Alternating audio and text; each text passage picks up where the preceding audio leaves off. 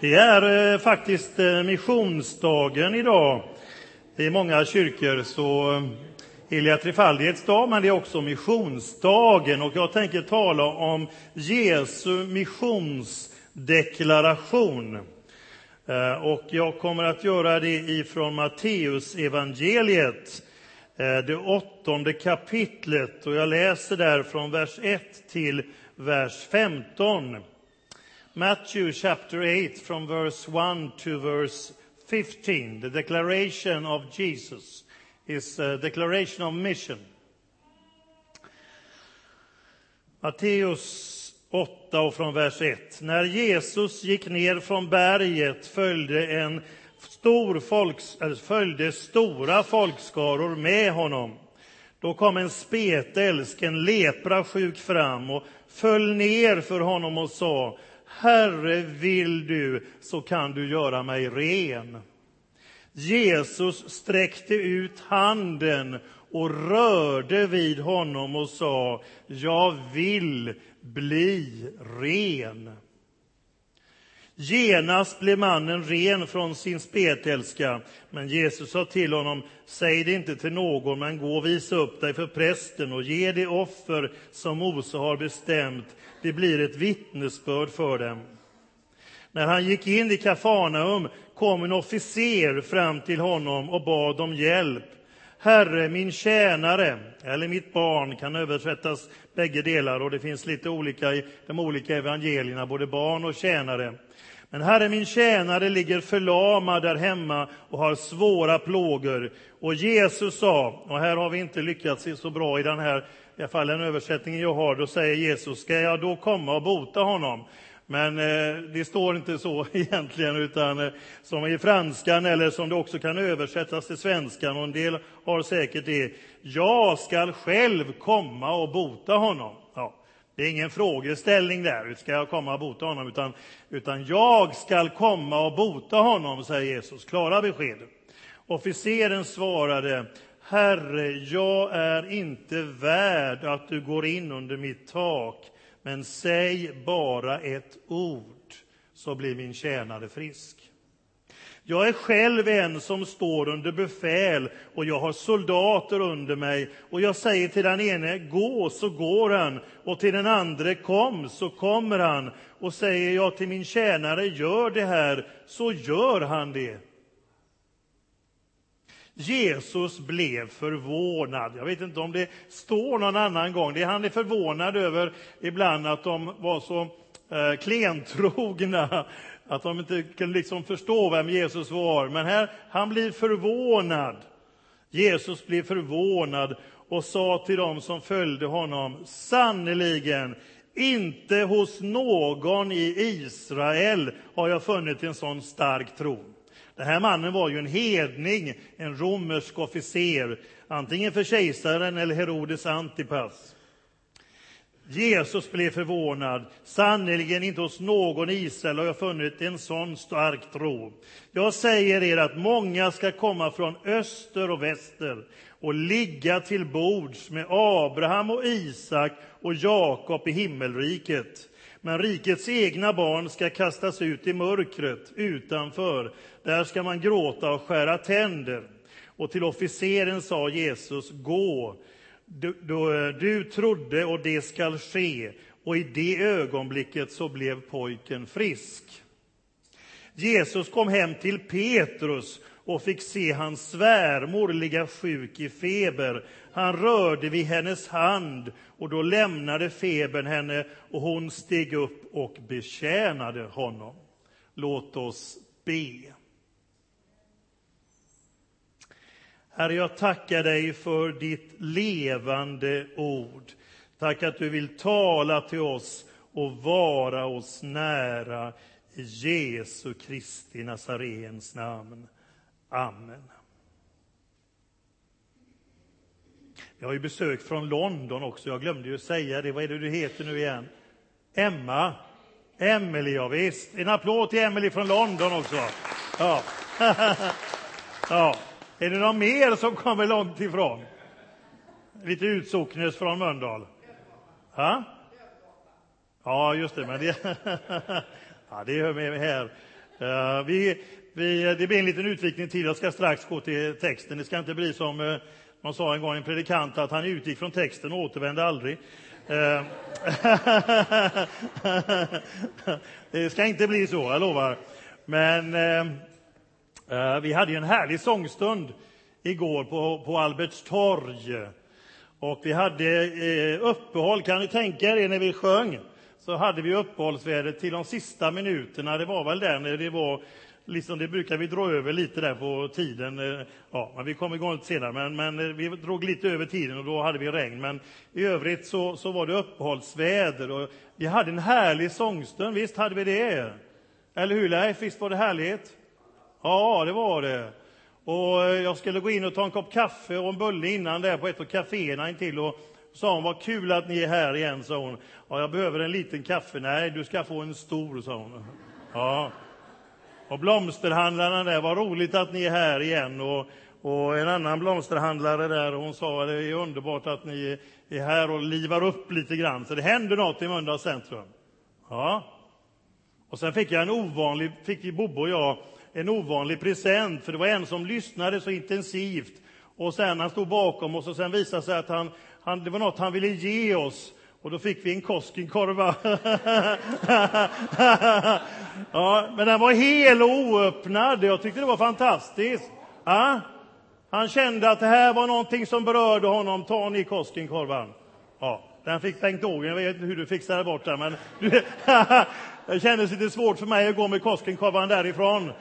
Men Bengt-Åke han smugglade med sig den så fint, så det var toppen. Ja. Så går det till. Det är spännande i Guds rike. Om ni varit, om ni, alla ni som är män här idag och eh, eh, eh skulle vara farisé. Hur skulle ni be på bönen då? Vet ni, kommer ni ihåg fariseiska bönen som männen tackade Gud för? De hade tre saker som de tackade Gud för varje kväll. Ja, precis. Bra, Svällen, att de inte var leprasjuk. Ja. Ja, då kan ni tänka er att de tackade Gud för att de inte var född till kvinna. Vilka böner! alltså var det.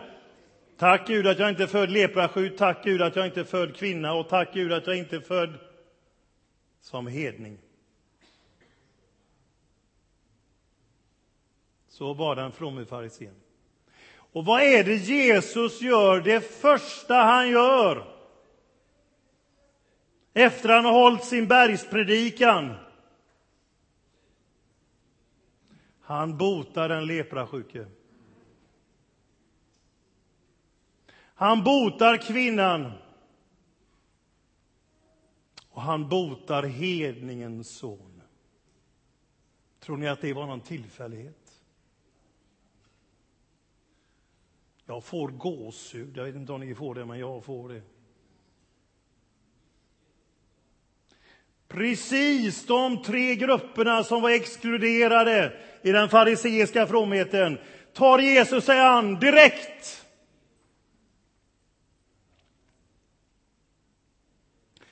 Den leprasjuke, kan du? Ja, jag vill. Det är nådens ord.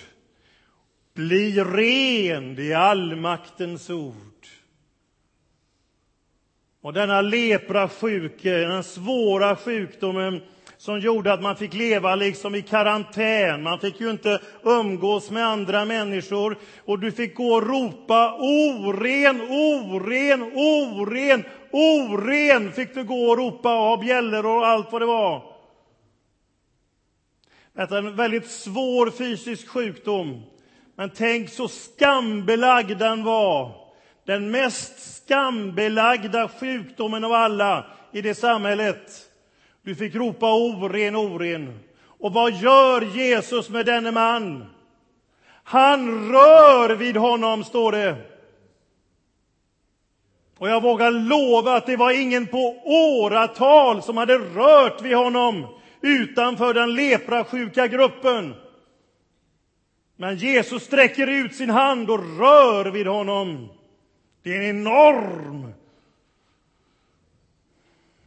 starkt. Han rör vid honom.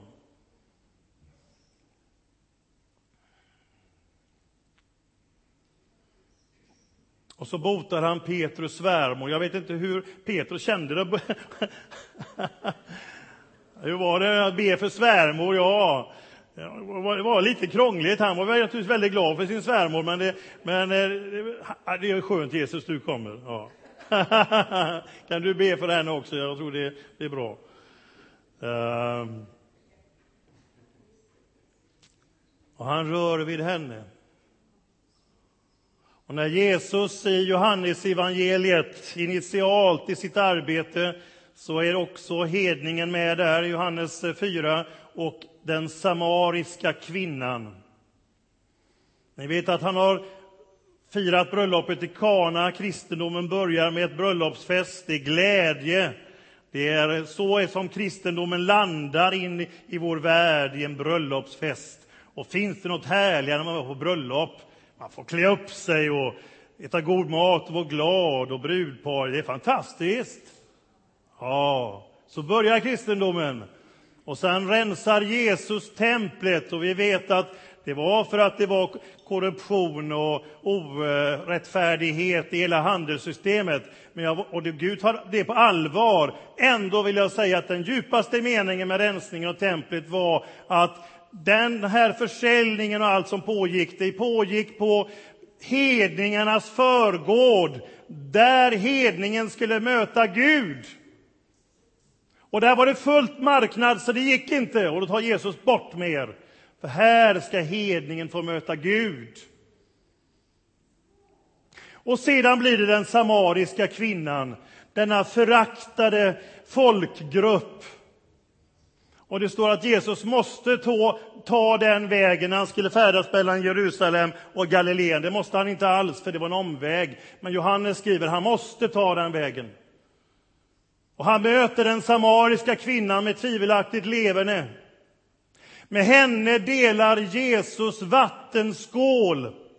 Det djupaste uttrycket som judendomen kände för gemenskap mellan människor. Att vi är lika värde, vi står på samma nivå. Och det är för henne han så direkt, det har han inte ens gjort för sina lärjungar ännu, talar om att han är Messias. Det gör han för denna samariska kvinna. Hon blir överlycklig och rusar in i stan och kom och se den man som sagt mig allt, kan han vara Messias? Hela stan kommer i rörelse. Det är fantastiskt. Med Jesus kommer någonting helt nytt i förhållande till kvinnan i religionshistorien. Ingen har behandlat henne så förut. Och man och kvinna får bli frälsta på samma villkor. Och Jesus, han vet vad farisén tackade Gud för och han tar sig an den leprasjuke och kvinnan och så den hedningen, officeren. Och låt oss titta på den texten. Vi går vers för vers där i Matteus evangeliet 8 från vers 5. Då, hoppsan, fick vattnet mitt i halsen. Så kan det gå. Då kommer den här kaptenen, befäl över hundra man. Han var en vän till judendomen, får vi reda på i Lukas berättelse av det här. Och eh, han hade faktiskt låtit bygga en synagoga för judarna. Och i Lukas-versionen så kommer de äldste till Jesus och säger att den här mannen, han är en vän till vårt folk. Han är värd att du hjälper honom, att du botar hans tjänare eller hans son. Det kan vara det pajs, det kan vara vilket som här, tjänare eller son. Och då säger Jesus, jag vill, jag kommer, jag ska komma och bota honom. Han var villig att gå in i hedningens hus, vilket man som jude egentligen inte skulle göra, för det var en rituell orenhet. Men eh, hövitsmannen eller kaptenen han kände ju till detta och vill inte utsätta Jesus för det, utan han säger bara säg ett enda ord så blir min tjänare frisk. Och så berättar han att han är en, en, en man som står under andras befäl.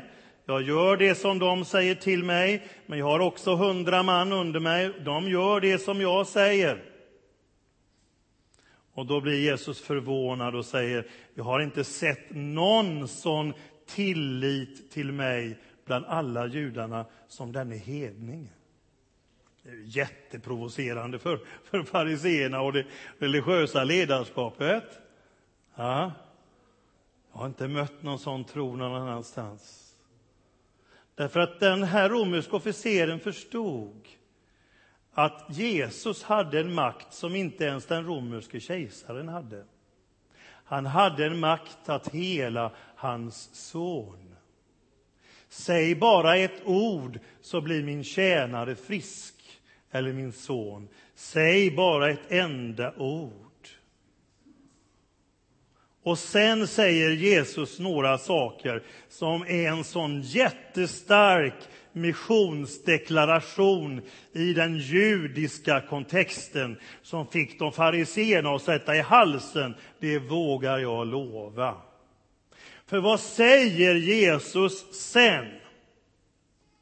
Jo, han säger så här att många skall komma från öster och väster och ligga till bords eh, med Abraham och Isak och Jakob i himmelriket. Men rikets egna barn ska kastas ut i mörkret utanför där man ska gråta och skära tänder. Många ska komma från öst och väst och vi ska sjunga den gamla godingen som Anders sa. Vi ska sjunga den sen efter predikan. Det var en beteckning för hela världen, men den användes av judarna som en exklusiv beskrivning av världsvids, så att säga, sammanfattning och människorna kom till den himmelska banketten. Det var judar. Man använde det exklusivt, att komma från öst och väst. Det var församlandet av Israels folk. Det kan det också vara, för profetiska skrifter har dubbelbottnar. Men Jesus vidgar det här begreppet. De som kommer från öst och väst är inte bara judar, utan där är hedningarna med.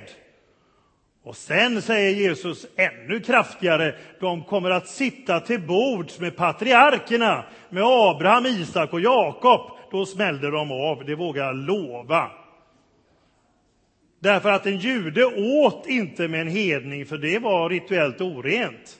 Skulle du få äta med fariseerna så skulle du uppfylla, renhetsföreskrifterna och lagen till punkt och pricka. Då kunde du få vara med. Därför var de så arga på Jesus, vilka han åt med. De bara spottade ut. Han åt ju med tullindrivare och syndare, detta packet. Hur kan han göra det? Ja, det är inte de sjuka som det är inte de friska som behöver läkare, utan de sjuka, säger Jesus.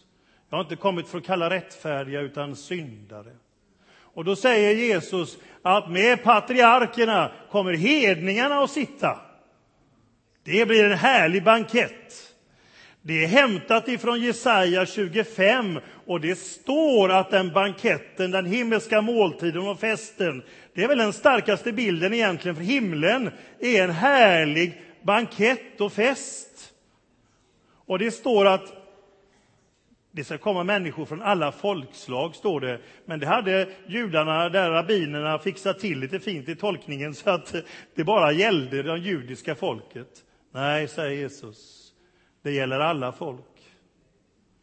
Och judarna i sin lära tänkte sig att ingen av Abrahams ättlingar kunde gå förlorad eller missa den himmelska banketten.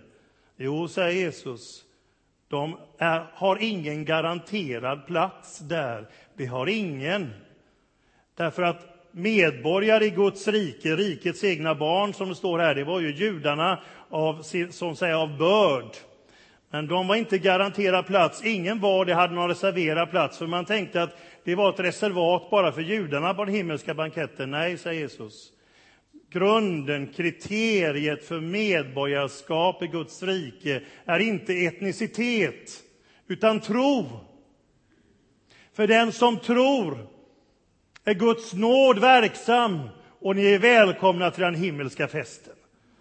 Ja, tänk vad kul det ska bli att sitta till bords med Abraham, Isak och Jakob. Jag hoppas jag får en sån plats jag ser dem. kanske kan fråga om det. Ja, man, ja, man får inte, kan, kan inte fråga för nära, men... Eh,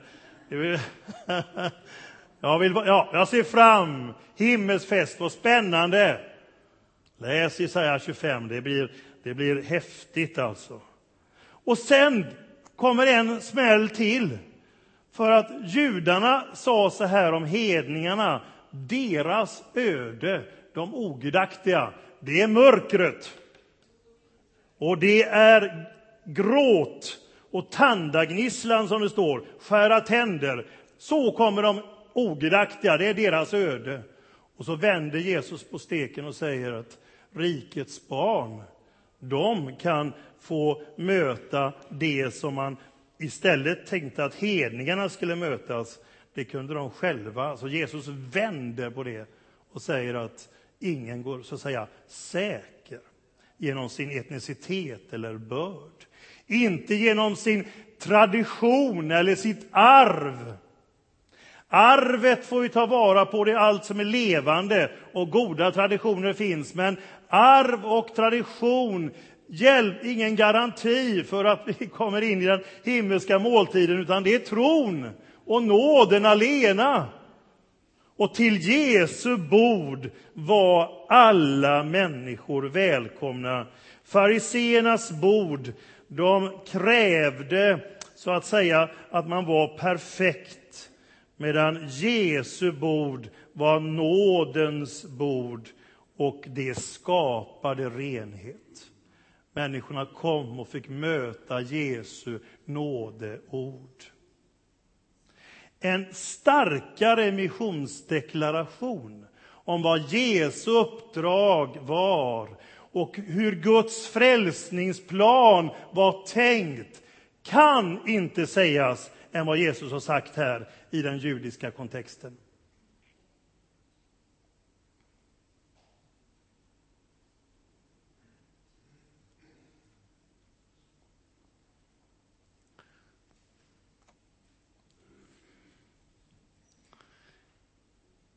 Och Jesus deklarerar och säger att Guds rike är öppet för alla, oavsett etnicitet, kön, språk, social situation. Och på ett särskilt sätt är evangeliet till för de exkluderade, utstötta och marginaliserade i vårt samhälle. Evangeliet är för alla på ett särskilt sätt är det glädjens bud för de fattiga, för de som far illa på ett särskilt sätt. Och det är också församlingens uppdrag idag. Och vill vi göra det lite närgånget så kan vi fråga oss själva, är det några som du och jag exkluderar? Som inte vi vill kännas vid? Är det någonting som Gud behöver göra i våra hjärtan?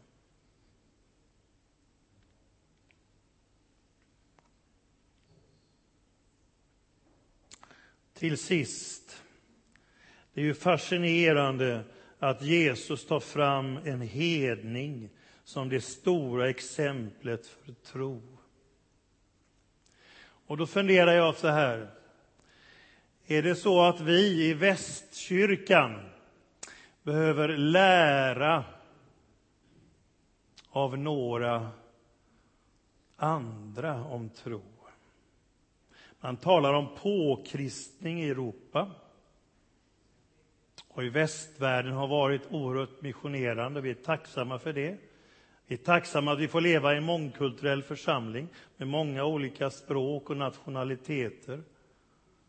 Kan det vara så att oavsett anledningarna, att den djupaste innebörden är att Gud kallar människor från Afrika, från Asien och Latinamerika till västvärlden för att vi ska få lära oss, kanske, om vad kristet liv verkligen är på allvar. Det är inte ett underkännande av, det finns väldigt mycket fin kristet engagemang och kristet liv i, i västkyrkan, så jag säger inte det. Men ibland så har man sagt, man forskar över församlingar och kyrkor i Västeuropa, att vårt problem kanske är att vi inte tror på det vi tror på i praktiken ända ut. Den här mannen trodde och han fick erfara Kanske att vi måste ha människor från Afrika, Latinamerika och Asien som får hjälpa oss. Det pågår ju något fantastiskt spännande i vårt land. När jag var på pastorskonferensen så var det en professor med där som eh, heter Lars Trädgård och han var också civilsamhälleforskare. Men han säger att unga barnfamiljer och invandrare från hela världen håller på att förändra landets pingkyrkor i snabb takt. Vi ser att de religiösa samfunden är på väg att få en renässans genom detta. Och läste ni i Dagen förra fredagen, inte nu i fredags, men förra fredagen, eh, en stor artikel där intervju med Urban Ringbäck, hur hela Smyrnaförsamlingen håller på att förändras genom de farsitalande och också andra som har vänt upp och ner på en hel del. Ja. Det berättade de på pastorskonferensen som jag var på i Västra Frölunda här för någon månad sedan. Där deras, eh, en av deras ledare från Farsi-gruppen från Iran Eh, berättade och också eh, Mark som leder den internationella församlingen, engelskspråkiga eh, och sedan en av pastorerna från Smyrna erfarenheten, inte att det var helenkelt, men de har ju fått döpa väldigt många människor de senaste åren och den största delen är ju av människor som kommer till oss från andra länder. Vi tackar Gud för varje som kommer till tro. Men där upplevde man att hemligheten till väckelse var den mångkulturella församlingen. Vi vet inte hur Mölndals pingstförsamling ser ut om tio år, men vi ber till Gud att vi har mångdubblats och flerdubblats, eller hur? Vi vill vara ett redskap. Vi var i en öppen famn. Och att alla människor får komma och känna, här finns Jesus. Amen.